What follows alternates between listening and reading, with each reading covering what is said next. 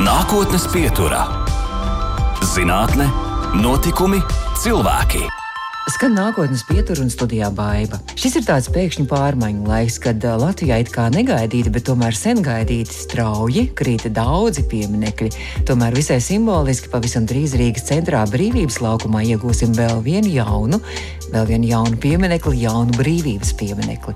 42 metrus augstā monumenta miniatūru kopiju, jeb taktilo brīvības pieminekli, kas arī neredzīgajiem un vairedzīgajiem cilvēkiem dos iespēju sajust un redzēt šo mūsu brīvības, vienotības, neatkarības un tēvzemes mīlestības simbolu. Nākotnes pieturā viesojas taktilā brīvības pieminiekļa idejas autore, kultūras akadēmijas doktorante, kuras pētījuma objekts ir kultūra un māksla kā instruments sabiedrības integrācijai. Savukārt pētnieciskā laboratorija jau gandrīz 25 gadus pašas dibinātais fonds nāca līdzās Sārma Freiberga. Labdien! Par to 25 faktiski mēs, ja rēķinam sezonās, tad mums jau ir 25. Oh, nu jā, fons nāca līdzās, un mēs, protams, visi zinām šos brīnišķīgos, sirsnīgos, skaistos koncertus. Nāca līdzās Ziemassvētkos. Mēs zinām, nāca līdzās kori, ko tur es arī dibināju. Tagad jau arī ukulēļu orķestris un arī perkusiju orķestris tiek dibināts, un bezgalīgi daudz dažādas izstādes, gan foto izstādes, gan kalendāri, gan gleznu izstādes, un arī koncertu, un ar kori jūs esat koncertējuši arī ne tikai Latvijā, bet arī ārvalstīs, Anglijā un Lietuvā. Un Zviedrijā un daudz kur citur. Bet eh, saki, kāpēc tev līdzās visai šai radošajai laboratorijai, kā es nosaucu šo nāc līdzās fondu, kāpēc tev bija tāda nepieciešamība arī pievērsties akadēmiskajām studijām un akadēmiskajai pētniecībai? Mm, redz, ļoti labi, ka tu tā teici par to laboratoriju, jo zinātniskajā valodā tagad to var saukt par līdzdalības pētījumu. Jo es tajā esmu tik daudz gadus jau iekšā, un tātad man gribējās tiešām varbūt eh, papētīt ne tikai to, kas notiek fondā nāc līdzās, bet vispār Latvijā. eh, saistībā ar cilvēkiem ar īpašām vajadzībām. Mm, eh, tagad gan reizēm saka cilvēki ar funkcionāliem traucējumiem, tad, nu, bet paliksim pie. Bet saka arī, saka, es piedodu pārtrauc, mm. saka arī cilvēki ar invaliditāti vienkārši viņi saka. Jā, terminoloģija mums ir ļoti dažāda un, un katrs mēs viņu arī mazliet dažādi saprotam. Un tad, kad, piemēram, tu raksti promocijas darbu, tad tur parasti sākumā atrunā, ja es, liet, ja es lietošu, piemēram, cilvēku ar īpašām vajadzībām, ko es zem šī termina saprotu. Un tad visi tie, kas lasa šo darbu vai iepazīstas, viņi zina, ko es tajā brīdī esmu palikusi zem šī termina. Tātad, bet šodien es arī runāšu par cilvēku ar īpašām vajadzībām, ir bijis, bijuši saskarsmē, un mēs kopā esam strādājuši jau nu, faktiski 25 gadus. Līdz ar to man ir nu, saka, diezgan liela pieredze uzkrāta, un man ir ko teikt no novērojumiem, un tagad jau arī no dažādiem pētījumiem, no aptaujām, no intervijām, visu, ko es esmu veikusi šī promocijas darba sakarā.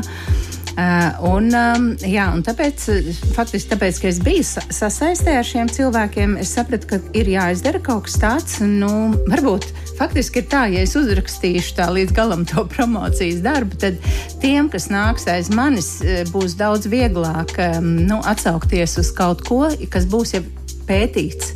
Jo līdz šim faktiski šādu pētījumu vispār Latvijā nav.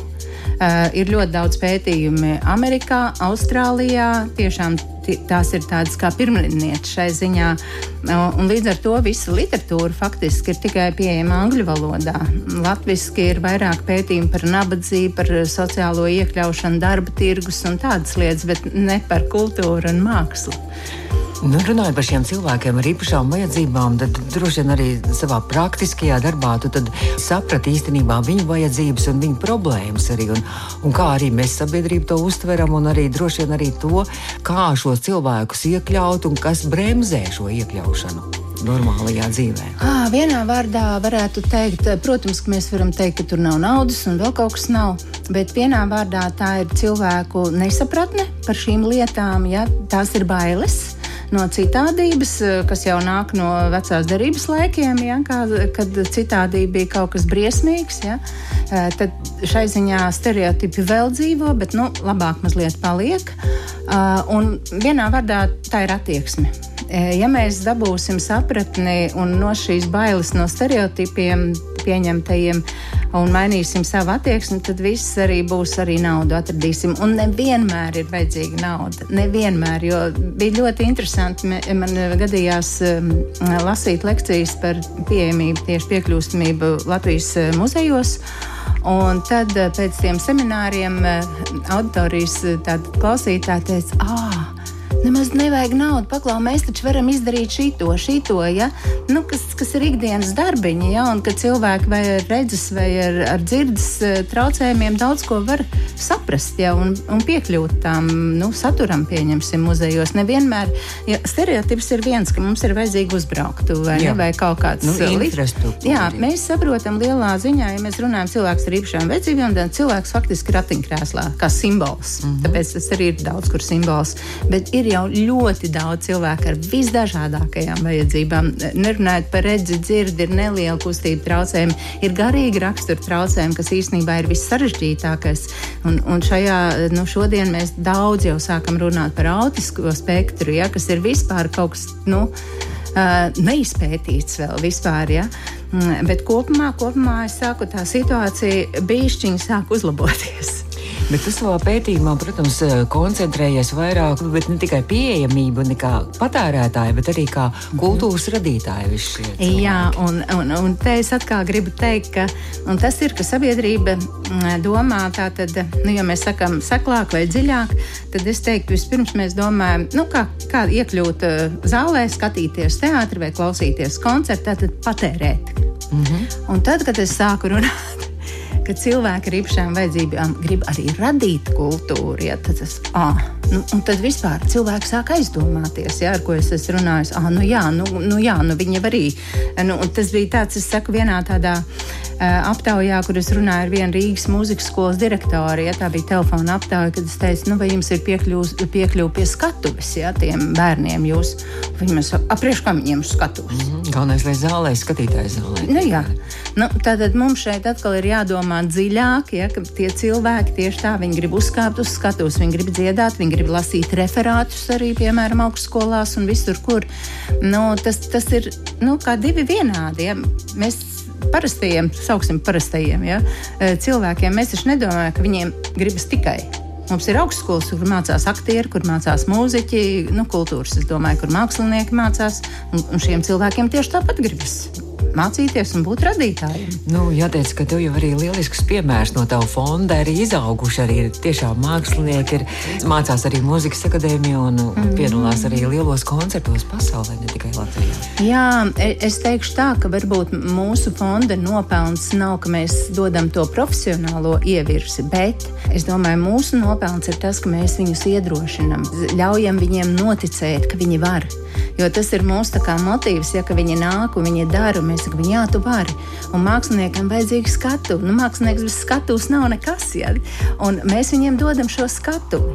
Un viņi ar katru reizi, ja, nu, tas ir kā magnēts, vai ne? Pievelc, un viņiem gribas vēl un vēl. Un, un, nu, tu pati kādreiz arī redzēji, kā viņi izjūt šo skatu, īpaši neredzīgie vēl, un viņš iet prom no skatuves, un viņš dzird šos aplausus. Ja? Nu, tas ir kaut kas tāds nu, maģisks, to pat nevar aprakstīt. Vārdiem nevar to aprakstīt. Un tad, kad to sajūtu esi dabūjis, un tu saproti, jā, mani novērtē Ja, un, un tas motivē viņus iet tālāk, iet tālāk. Ja, mūsu fonda meitenes, kā jau saka, mūsu fonda ja, meitenes ir jau beigušas uh, mūzikas akadēmiju, tagad mācās mūzikas akadēmijās. Un, un liels prieks par to. Tu, tu savos pētījumos arī veic arī publikas aptaujas, un arī skatījies, kāda ir publikas reakcija, un arī kāds ir publikas viedoklis un novērtējums, ko publika par to saka un kā viņa domas varbūt mainās šādos koncertos. Jā arī to es esmu darījusi. Un, un jāsaka, ka uh, nu, vismaz tie cilvēki, kas bija mūsu koncertos, ja tas novērtējums bija. Uh, pārsvarā pozitīvs, un uh, pozitīvs tād, vēl tāds, kas bija tā pārsteigums citiem, kas bija pat tādi cilvēki, kas bija nejauši iemaldījušies. Nu, vai kāds paziņas, saka, nu, atnācis labs koncerts, būs vai kā. Un ka viņi bija gaidījuši kaut ko mazāku. Ja, tādi, un, un tieši tāpat izstādēs arī ir, kad Eh, cilvēki atnāk un ir pārsteigti ja, par to veikumu. Un tad, kad reiz īpaši izstādēs, ka tur nav rakstīts, kas tam cilvēkam kāds traucējums ir, ja, un tad, kad viņiem pasaka, ka tas ir cilvēks ar īpašām vajadzībām, jā, tad mēs redzam, ka viņi var radīt tieši tāpat. Ja, tādēļ uh, publika uh, savā ziņā tas ir nu, mūsu koncerts. Es domāju, ka Latvijā ir pienesuši savu ieguldījumu, īpaši nāk līdzās Ziemassvētkos, ko faktiski katru gadu noskatās ap simt tūkstošiem. Ja, un, un kā daudzi saka, viņi vispār Ziemassvētkus nevar iedomāties bez šī koncerta. Ja? Mm, bet uh, es domāju, ka tas, ka šie cilvēki skatās un redz šos cilvēkus, bērnus, jauniešus, ka tas uh, liek viņiem pietuvoties viņiem un redzēt, ka šie cilvēki ir arī varoši, nevis tikai lūdzoši kaut ko.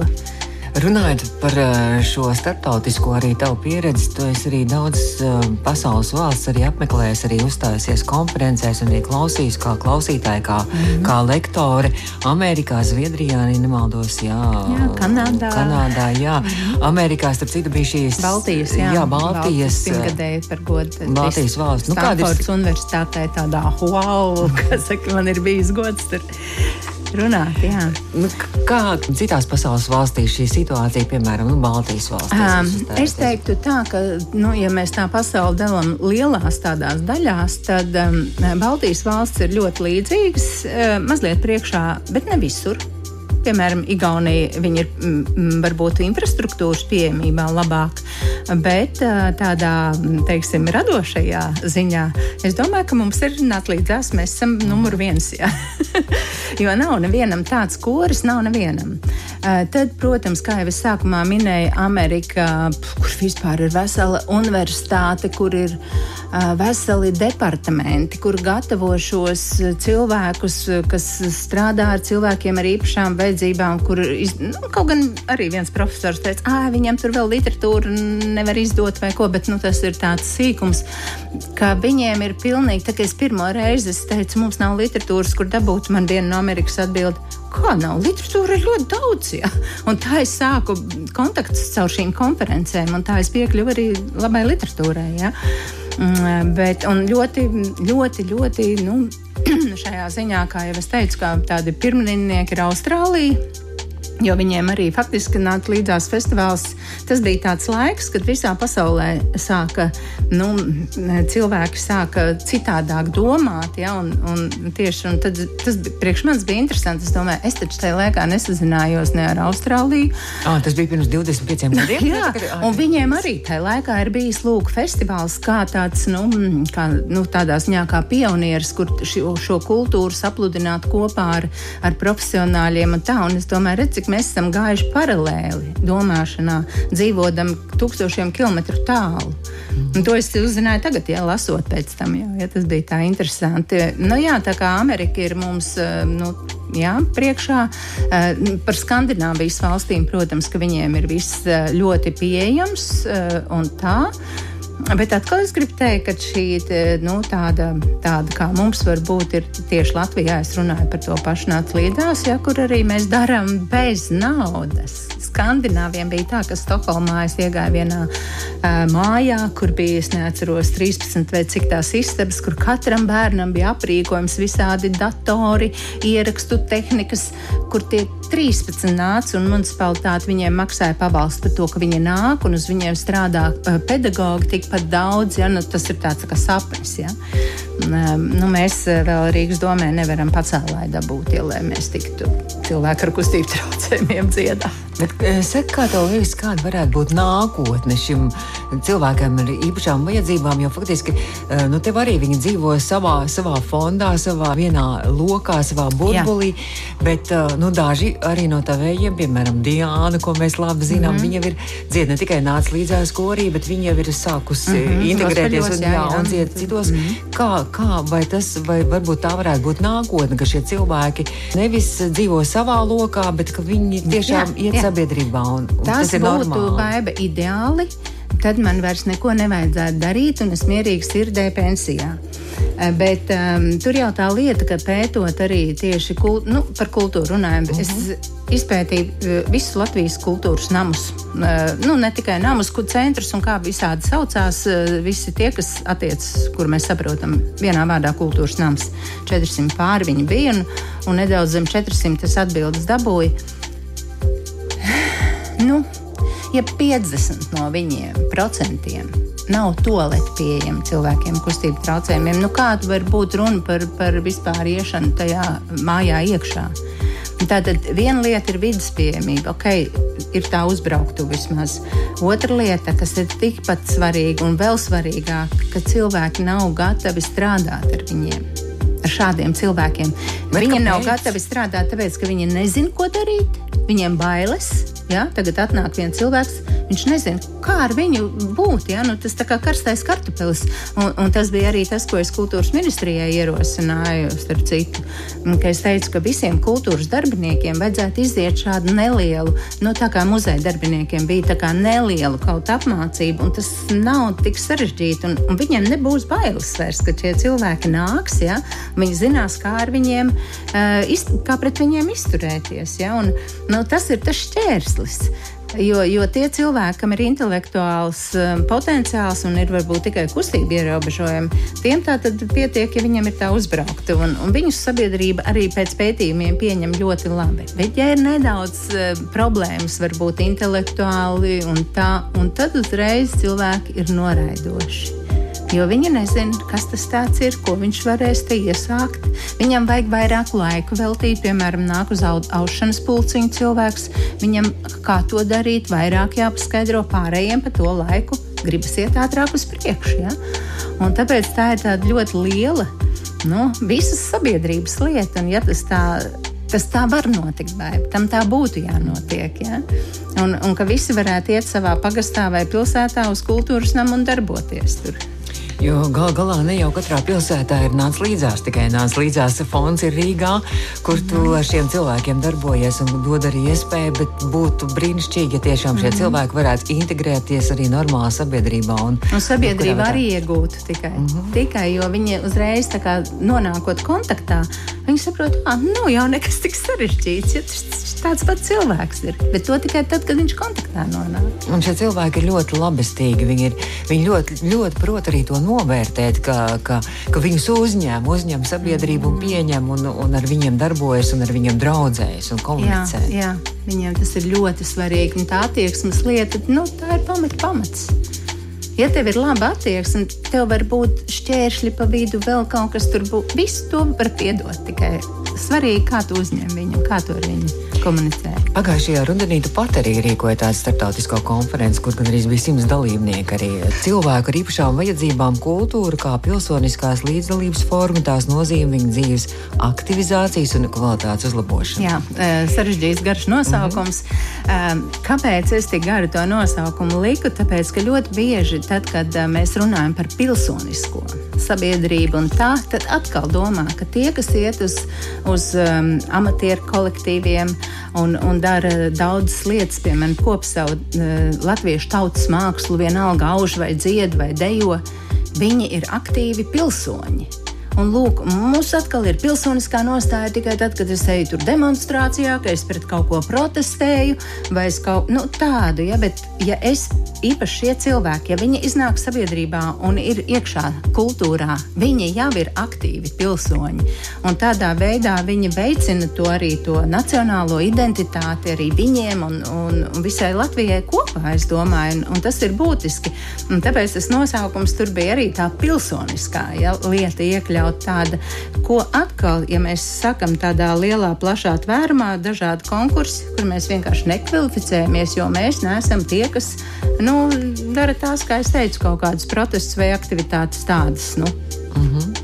Nu, kāda vēl bija secinājuma pēc šīs konferences, kāda bija dalībnieku attieksme un pēc tam tās emocijas? Uh, nu, atskaņas. jāsaka tā, ka tādi galvenie punkti bija tie, ka dalībnieki noteikti teica, kā vienmēr, ka jārīko atkal ir tāda konference. Ja? Mēs tur dalījāmies arī ar labo pieredzi tieši paši cilvēku ar īpašām vajadzībām. Viņi teica, ka tas ir ļoti vajadzīgs viņiem, lai viņi nu, dabūtu tādu tā kā, motivāciju un, un ticību, ka viņi var tie, kas ne.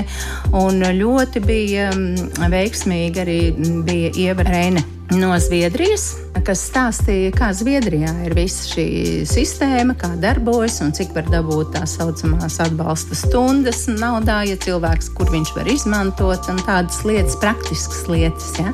Saruna Freiberga fonda nāca līdzās vadītāji un arī kultūras akadēmijas doktoranti šobrīd eh, nākotnes pieturas studijā.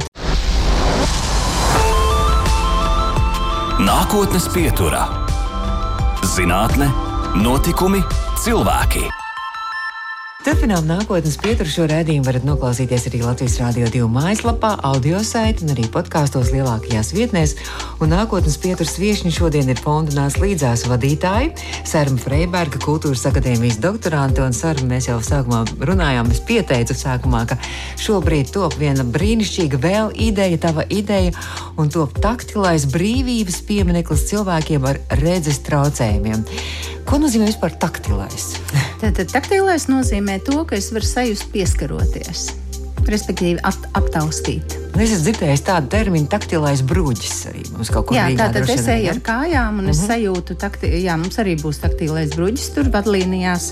Es eju un ar kājām, vai, nu, ja ir vasaras apava, vai arī tātad neredzīgs cilvēks ar to balto spieķi, kam galā ir tāda Var noja, pataustīt, viņš jā. Mhm. jūt, kur ir šis punktētais, teiksim, līnija. vai 15. oktobris ir Baltā spieķa diena cilvēkiem ar redzes traucējumiem un neredzīgiem cilvēkiem, kad vairākus gadus tieši par godu šim 15. oktobrim arī tapā nāca līdzās pasaku disks kopā ar Latvijas Rādio divu kolēģiem, kur mēs arī eh, rakstījām šo disku un, dāvinājām arī bibliotēkām un tā tālāk. Šogad tev ir cita ideja, tātad šis taktilais brīvības piemineklis.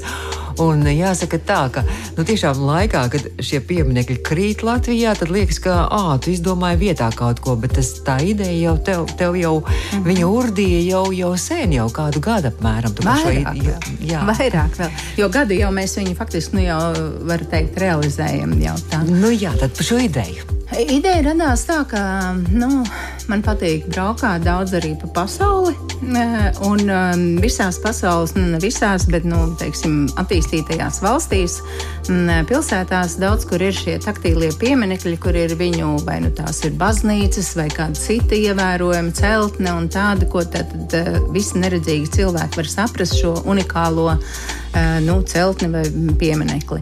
Un tad es domāju, kāpēc mums nav atkal? Jā, bet mums arī vajadzētu. Un domāju, ko tagad varētu. Nu, sākumā viena doma bija doma baznīca, bet es domāju, kāpēc tad Pētera baznīca būtu sliktāka par doma baznīcu, jo simbols gal galā vairāk Pētera baznīca.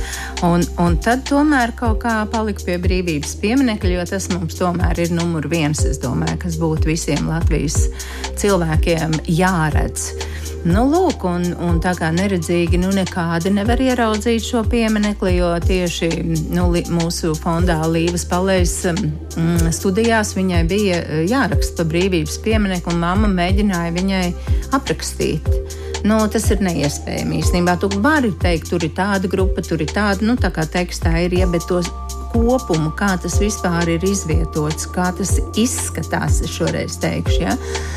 To var tikai sajust, kad viņi aptaustīs visu. Un tad mūsu telniekiem, kas Ivars Miķelsons, ir mūsu galvenais telnieks, viņam radās arī tā doma, kas mums sākumā nebija, ka mēs uzliksim tos mazos sarkarēvīšus arī. Tāpēc, ka Godsardzi, jā? Jā, jā. Uh, viņi mums būs 4 cm gari. Jā, 4 mm -hmm. Apmēram apmēram tik ļoti maziņi, vārds sakot. Uh, tāpēc, lai saprastu, cik pats monuments ir liels. Jo mūsu milda, mildiņa, ir 9 metrus liela. Viena, vie, viena pati. Viena pati. Jā, viena pati. Piemineklis ir 42. Jā, nu, piemineklis ir augsts. Jā, un mūsu, tātad, mūsu piemineklis mazais, kā jau saku, būs 1 pret 50 mērogā, un, un viņš būs ērti piebraucams arī cilvēkiem ratiņkrēslos. Un, un tātad, kā jau mēs sākumā minējām, taktīls būs gan pats piemineklis, gan arī taktīlās vadlīnijas būs tātad no, no e, autostāvvietas, kur cilvēki ar redzes traucējumiem, vienalga cilvēki ar īpašām vajadzībām izkāp, un tad e, pa tām vadlīnijām neredzīgie varēs uzreiz nonākt līdz piemineklim. Nu, Bet tas mums- būs arī turpat brīvības laukumā. Jā, tas tagad uh, pieturas vieta tiks pārnest no Bastēja kalna puses uz operas pusi. Tad, tas ir kur vieta tramvaja? Nē, nē, nē. Ah. cilvēku ar īpašām ah. invaliditātes, ah. kur zīme ir. Tur ir mm -hmm. divas tādas mm -hmm. pieturvietas, un tās mēs pārnesam tātad uz otru pusi brīvības laukumam, lai tuvāk būtu. Mm -hmm. Un tad uzreiz, kā izkāpt no, no mašīnas, ir priekšā ta taktīlā vadlīnija, un tad pa to jau mēs virzamies līdz tai vietai laukumiņam atkal, kur notiks, nu, būs mūsu tātad piemineklis un arī soliņš, kur apsēsties, ja piekūst skatoties. Mm -hmm. Tagad tā būs tāda milzīga, skaista dāvana, sākumā bija tā iecerē eh, to radīt un, un atklāt uz, uz šo 15. oktobra Baltās pieeja dienu, bet tad laikam bišķīgi nobīdījās datumu. Man liekas, ka pat ļoti simboliski, jo es papētīju, ka 1931. gadā, 18. novembrī, tika ielikts brīvības pieminiekļa pamatakmenis, savukārt mm -hmm. 1935. gada 18. novembrī atklāts. Tā, tas 18. novembris, man liekas, mm -hmm. tas tiešām būtu arī īstais datums, vai ne? Kā tev šķiet? nu, jā, no vienas puses gribējās tā kā tieši tajā 15. Nu, oktobrī. oktobrī bet, bet sakarā, kā jau visur, arī šeit piegādas kavēja sakarā ar Ukraiņas karu, un, mums bija iespēja pasūtīt tās vadlīnijas vai nu Ķīnā vai Ukrainā. Mēs izvēlējāmies loģisku Ukrainu atbalstam, ja, lai vairāk eh, viņiem viss eh, attīstītos. Tas materiāls? Jā. Oh. jā viss segums, kur jācementē tas piemineklis vēl iekšā. Ir, ja? Bet jo, viņš ir gatavs, ja viņš ir piemineklis. Tagad ir tieši tāda bija stadija, ka mēs pagājušajā nedēļā lējām piltuvītes tādas, kur mazās figūriņas visas tiek ielieta karsta bronza, 1150 grādu bronza, verdoša tāda sarkana masa, un tad viņi tur sacietē, un tad viņai tiks lupinātas nostās jau atkal kādas čaulas, kas virsū, un tad tur slīpēts, un vēl viss kaut kas apmēram mēnesis tas prasa. Tā kā piemineklis būs gatavs uz to 18, mm -hmm. 15. Oktobri. oktobrī. Jā. Bet, nu, par tām pamatnēm. Jā, tās mm -hmm. tur tagad, tas nav atkarīgs no mums šeit. Nu, bet to jau ir arī pētījuši, arī apskatījuši arī šie cilvēki, kas ir neredzīgi. Ja? Um, jā, viņi ir pētījuši un apskatījuši, aptaustījuši jā, mūsu 3D izprintēto. Tieši tad, kad bija, jo tas viss tiek izprintēts 3D. Visas, visas, visas detaļas pilnīgi. Ar, ar ārkārtīgu lielu precizitāti, jo turpat eh, telnieks teica, ka viņš ir atklājis augšā eh, pie mildes, ka turpat ir tāda maza, maza bedrīta lodes pēdas kara pat tas ir 3D pat izprintēts. Ja? Un tad jaunieši, jā, viņi visi taustīja un stāstīja, stāstīja, ko viņi redz ar pirkstu galiem, ko redz, jā, un atzina par labu, ka visu ļoti, ļoti smalki var saprast. Ah, un vēl mums būs tā eh, saucamais kvadrātkods, ja, jeb QR, kā saka tagad, un uh, noskanējot to kodu. Tur, cil... blakus, kaut, uh, tur, tur būs mhm. -huh. tāda plāksne, braila rakstā, kur būs par pieminekli Nu, mm -hmm. Galvenā informācija tāda. Un tad, noskanējot to kodu, tur būs visa lielā informācija par brīvības pieminekli. Visu, no sākot no kā viņi tur, kurš radīja, kurā gadā un tā. Uh, latviešu un angļu valodā. Jo šobrīd, piemēram, ja tu turists esi iebraucis Rīgā bez gida, tu jau tikai vari redzēt, tur ir rakstīts brīvības piemineklis, ja, un tad tur mazs plāksnītis, kam celts, bet citas informācijas nav. Tā kā mēs faktiski arī dosim informāciju informāciju visiem turistiem, pat arī jebkuram Latvijas pilsonim, eh, iedzīvotājiem, kas latviešu saprot un varēs eh, tad arī noklausīties un mm, lasītā tekstā izlasīt šo informāciju. Tā kā bezgalīgi skaists notikums mūs sagaida jauns piemineklis, jauns brīvības piemineklis. Jā. Mēs, protams, arī celt. Un eh, cerams, ka tas būs, būs uh, uz 18. novembra. Nē, nu uz to obligāti jābūt, tur nemaz nav šaubu. Sarma Freiberga fonda nāca līdzās vadītāja šobrīd mūsu studijā. Nākotnes pieturā - zinātne, notikumi, cilvēki. Turpinām nākotnes pietura fonda nāca līdzās vadītāja kultūras akadēmijas doktorāta Sārma Freiberga. Šobrīd ir mūsu studijā. Sārma, tā doktora disertācija sakarā ar visiem šiem pieminekļiem un daudzajiem radošajiem darbiem un ar fonda darbiem, vai, vai tā virzās uz priekšu? Nu, es kā kārtīga doktorante, Latvijas kārtīga doktorante, kam nav laika sēdēt trīs gadus eh, tikai bibliotekā, kur strādā, virzos ļoti lēnām uz priekšu, jā, bet virzos. Un, um, tas ir galvenais. Jā. Uh, jo, lai kārtīgi nu, ātri virzīties uz priekšu, ir vajadzīgs tiešām sēdēt tikai un sēdēt pie tā darba, bibliotekā, mājās. Bet nu, Latvijā dzīve ir savu gaitu, mums ir jāstrādā un, un jādomā par citām lietām. Bet um, es neesmu metus plinti krūmos pabeigt šo darbu. Jo, jo man jau ir domas nākamajam kā, publikācijas rakstam, un prezentācijai un ziņojumam, ko varētu atkal konferencē mhm, runāt. Tas būs saistībā tieši ar dziesmu svētkiem, droši vien arī. Jo gan pēc iepriekšējiem dziesmu svētkiem mums nebija visai laba pieredze kā dalībniekiem. Kuri? Un, tas jā, jā. Un uh, es ļoti gribētu, lai šajos uh, 150 uh, gadus dziesmu svētkos arī cilvēki ar īpašām vajadzībām būtu iekļauti tā, kā tas pienākas, ja tieši dalībnieki. Nu jā, jo meža parka izstrādes ir bezgalīgi skaista, bet mēs visi labi zinām, cik tālu ir nokļūšana, kā ir piekļūšana pie šīs izstrādes. Un, un droši vien tie cilvēki, kur, kuriem ir kustība, brīvība, viņi nemaz varbūt arī neaizdomājas, cik sarežģīti ir šiem cilvēkiem, piemēram, arī kaut vai ratiņkrēslā, arī jā, nu, uz lielās estrādes, arī jā, visur tur, tur, tur piekļūt un, un, bet arī uzstāties un gūt prieku un arī citiem mm -hmm. radīt prieku. Arī, jā, jo mūsu pieredze pagājušā nebija laba, bet uh, ņemot tieši to vērā, es domāju, ka es esmu mieru iekļauties vienalga, kā to sauc darba grupa vai kas un, un darīt tā, lai tiešām līdz vasarai laiks vēl ir un izdomāt vienmēr var. Mm -hmm. Tā kā koris nāca līdzās, noteikti piedalīsies dziesmu jā, svētkos. Jā, jā. Jāteic, ka tava pamatprofesija ir horeogrāfa, un, un tu, tu šajā kultūras jomā sāki darboties eh, kā horeogrāfa un kā deju kolektīva jā. vadītāja. Un tagad arī es atgriezusies pie deju kolektīva. Arī, Kaut jā. kā apmeta man kūleni, tādu dzīves kūleni atgriezos, jā, un tagad es arī gatavoju gatavoju Latviju. Deja kolektīvu Latvijā svētkiem.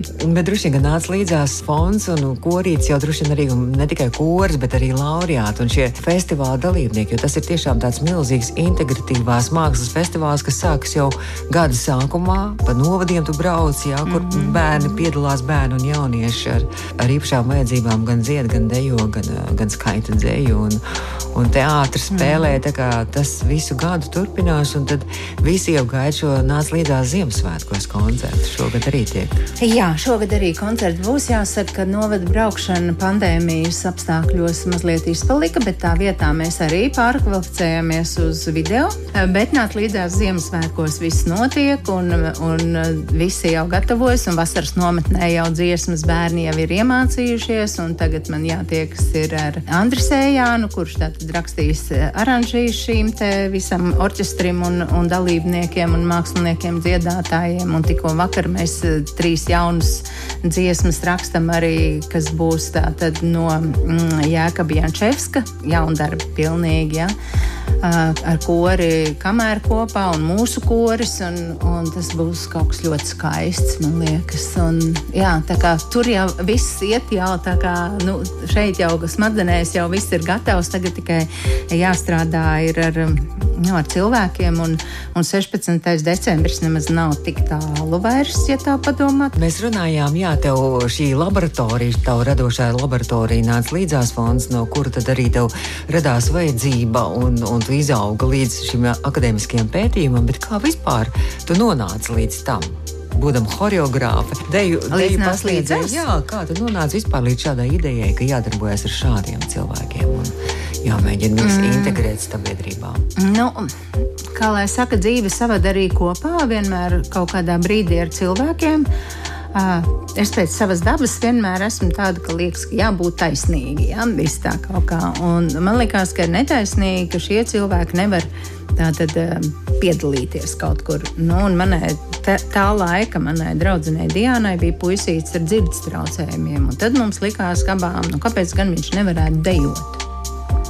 Un tas bija tāds, tā kā, nu, tāda maza sēkliņa, varētu teikt, ja, no kurienes tā dzīve ideja. Un toreiz es viņu iekļāvu deju kolektīvā Sprīdītis, kas bija toreiz mans bērnu kolektīvs. Un tad, protams, bija uzstāšanās, un tad man likās, nu, ka beigas aicināt vēl tos bērnus. Tad visādi es tiešām nezināju, kurā vietā viņi tur īsti, kur viņus atrast vispār. Ja? Nu, tajā laikā vispār bija viss savādāk. Ja? Bet, nu, principā tā mēs sākām. Jā, kaut kur ielu bērni saucamie bija toreiz vēl arī tādi, kas tagad vairs vispār nav tāds termins. Jā, un, un, un tad vēl kaut kur, mēs esam līdzās centriņš, kur Pēterīts arī gāja no turienes bērni sabrauc. Un pirmā reize jau bija tāda 50 bērnu čupiņa maziņa, ja tāda, bet, nu, otrā gadā jau bija 200, un tā tas sāka, nu, tu vienkārši ar to saprati, cik ļoti šiem cilvēku bērniem vajag šo izpaušanos uh, uz skatuves, sevi apliecināt. Nu, kā jebkuram bērnam mājā, piemēram, ne? Viņš grib māmu, nu, paskaties, re, kā es varu. Ja? Nu, šiem mm. bērniem tieši tāpat. Nu, jā, un arī mm mazie bērni, jau būdami pieauguši, droši vien viņi iegūst citu pašapziņu, citus draugus, U, citu, citu vispār vēl? pasaules redzējumu. Un kā vēl mums pat ir zvaigžņu slimības? Tas ir labi. jā, jā, jā. Nu, mēs viņus lutinām, protams, un lolojam. Un tā, un tas jau ir tikai labi. Un, un daudz tādu jauniešu, kas tiešām ir nu, starp četrām sienām, jau, ka viņiem tas pats koris ir vienīgā reize nedēļā, kad viņš faktiski izraujas no mājas ārā. Tas ir tik būtiski. Un tieši uz tā jaunieša piemēru es redzu, cik ļoti viņš kā personība atplaukst, ka viņš kļūst nevis dzīves mīdējs. Ja? Tāds, ka viss ir slikti un šausmas un tāds. Nu, tur arī vēl ir nopelns viņa skolai bijis, kur vienmēr ir teikts, ka viņš neko nevar un tā. Bet tagad viņš ir tāds, ka viņš gaida kori. Viņš gaida to izraušanos, un tad viņš grib jau iet vingrot, tikai nu, nav tā kā iet vēl kur. Nu, viņš visur grib jau iet. Lūk, un te ir tas, ka tā kultūra ir atmodinājusi tajā cilvēku bērnā, jeb jaunietī, to aktivitāti ko mēs visi gribam, to pilsonisko aktivitāti. Un noslēdzot mūsu sarunu, Saruna Freiberga, mūsu nākotnes pieturas viesiņš šovakar. Saruna, tu vēl gribēji arī kādu no, no saviem fonda dalībniekiem? Jā, nē, nu, kā jau mēs sākumā minējām, ka man ir daudz aptaujas un intervijas, un viena no tām bija pagājušā gadā arī vispirms vecāku aptauja un, un arī jauniešu, ko viņiem dod darbošanās fondā nāca līdzās vispār. Un tur bija ļoti daudz vērtīgas un labas atbildes, un cik tas viņiem faktiski tad, tad konceptuāli tas būtu, cik svarīgi ir šīs nevalstiskās organizācijas, kas strādā sabiedrības labā. Nu, tās ir neatsverams.